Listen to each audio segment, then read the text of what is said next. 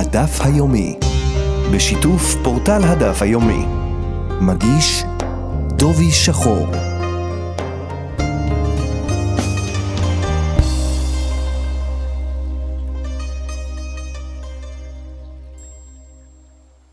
שלום למאזינים, היום במסגרת הדף היומי נלמד מתוך דף י"א במסכת נזיר. במשנה בעמוד א' עוסקת באדם שמקבל על עצמו נזירות, ולאחר זמן מתברר לו שלא הבין את המשמעות שעומדת מאחורי הנזירות.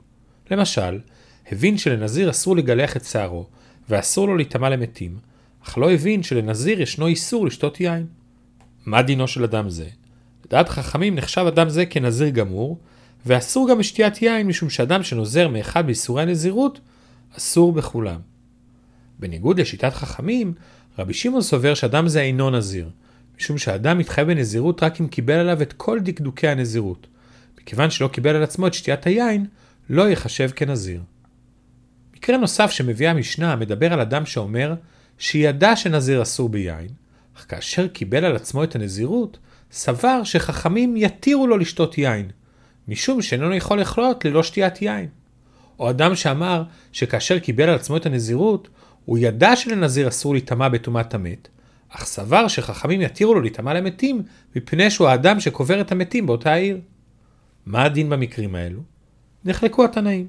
לדעת הנקמה, אדם זה איננו נזיר, והוא מותר בשתיית יין ובטומאה למתים. ורבי שמעון אוסר, הוא מתייחס אל אדם זה כאל נזיר. בגמרא הובאו כמה הסברים לשורש מחלוקת זו. ההסבר האחרון שמובא בגמרא הוא שלדעת הנקמה האדם שנודר נדר באופן שיודע שלא יוכל לקיימו, נחשב הדבר כנדרי אונסין, שהתירו חכמים את הנדר אפילו בלי להישאל לחכם. כך גם הנזיר שנזר באופן שברור שלא יוכל לקיים את נדרו, נחשב הדבר כנדרי אונסין, ולכן לא ייחשב כנזיר.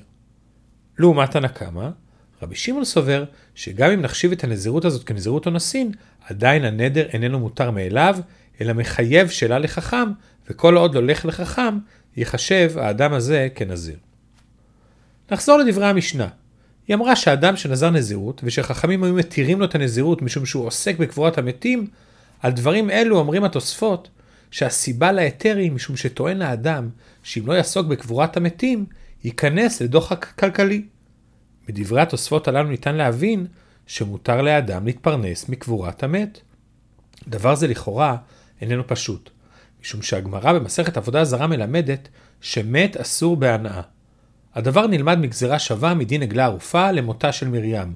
כמו שעגלה ערופה אסורה בהנאה, כך גם המת אסור בהנאה. רבי עקיבא איגר שאל את בעל הנתיבות, איך ייתכן שלחבר'ה קדישא מותר לקבל שכר על קבורת המתים? הרי הם נהנים מאיסורי הנאה. בעל הנתיבות ענה לו, שמכיוון שהחברה קדישא אסורים בקבורה ולא נהנים מן המת עצמו, אין איסור לקבל שכר על דבר זה. הנתיבות משווה את הדבר לסוגיה אחרת שמופיעה במסכת עבודה זרה, שמתירה לאדם להתפרנס משבירת חביות יין נסך. הסיבה לדבר היא משום שהמטרה איננה קיום היין האסור, אלא להפך. כך גם קבורת המת לא נועדה ליהנות מן המת, אלא לקוברו באדמה. החתם סופר מסביר באופן אחר את ההיתר לחברי קדישא לקבל שכר על הקבורה. לדעתו האיסור לקבל שכר של פעולה על איסורי הנאה הוא רק כאשר התורה ציוותה לכלות את האיסור, ולמרות החיוב לכלות את האיסור, רוצה האדם בקיומו, ולכן אסור ליהנות למשל משכר שקשור בעבודה זרה, משום שיש מצווה לבערה. לעומת זאת, באמת, אמנם יש מצווה לקבור את המת, אך מצוות הקבורה אינה קשורה בהנאה מן המת, אלא משום שהקבורה היא סוג של כפרה, או חוסר הקבורה נחשב כביזיון, וזו הסיבה שאין איסור לקבל שכר על קבורת המת לדעת החתם סופר. נסכם מה שלמדנו היום.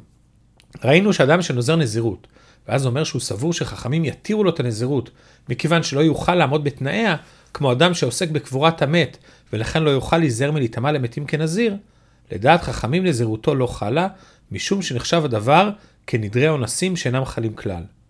מדברי התוספות רואים שמדובר באדם עם דוחק כלכלי, כלומר שמותר לו להתפרנס מקבורת המת. דבר זה לכאורה סותר את האיסור ליהנות מן המת. ראינו שהנתיבות הסביר שמכיוון שהחברה קדישה עסוקים בקבורה ולא נהנים מן המת עצמו, אין איסור לקבל שכר על כך.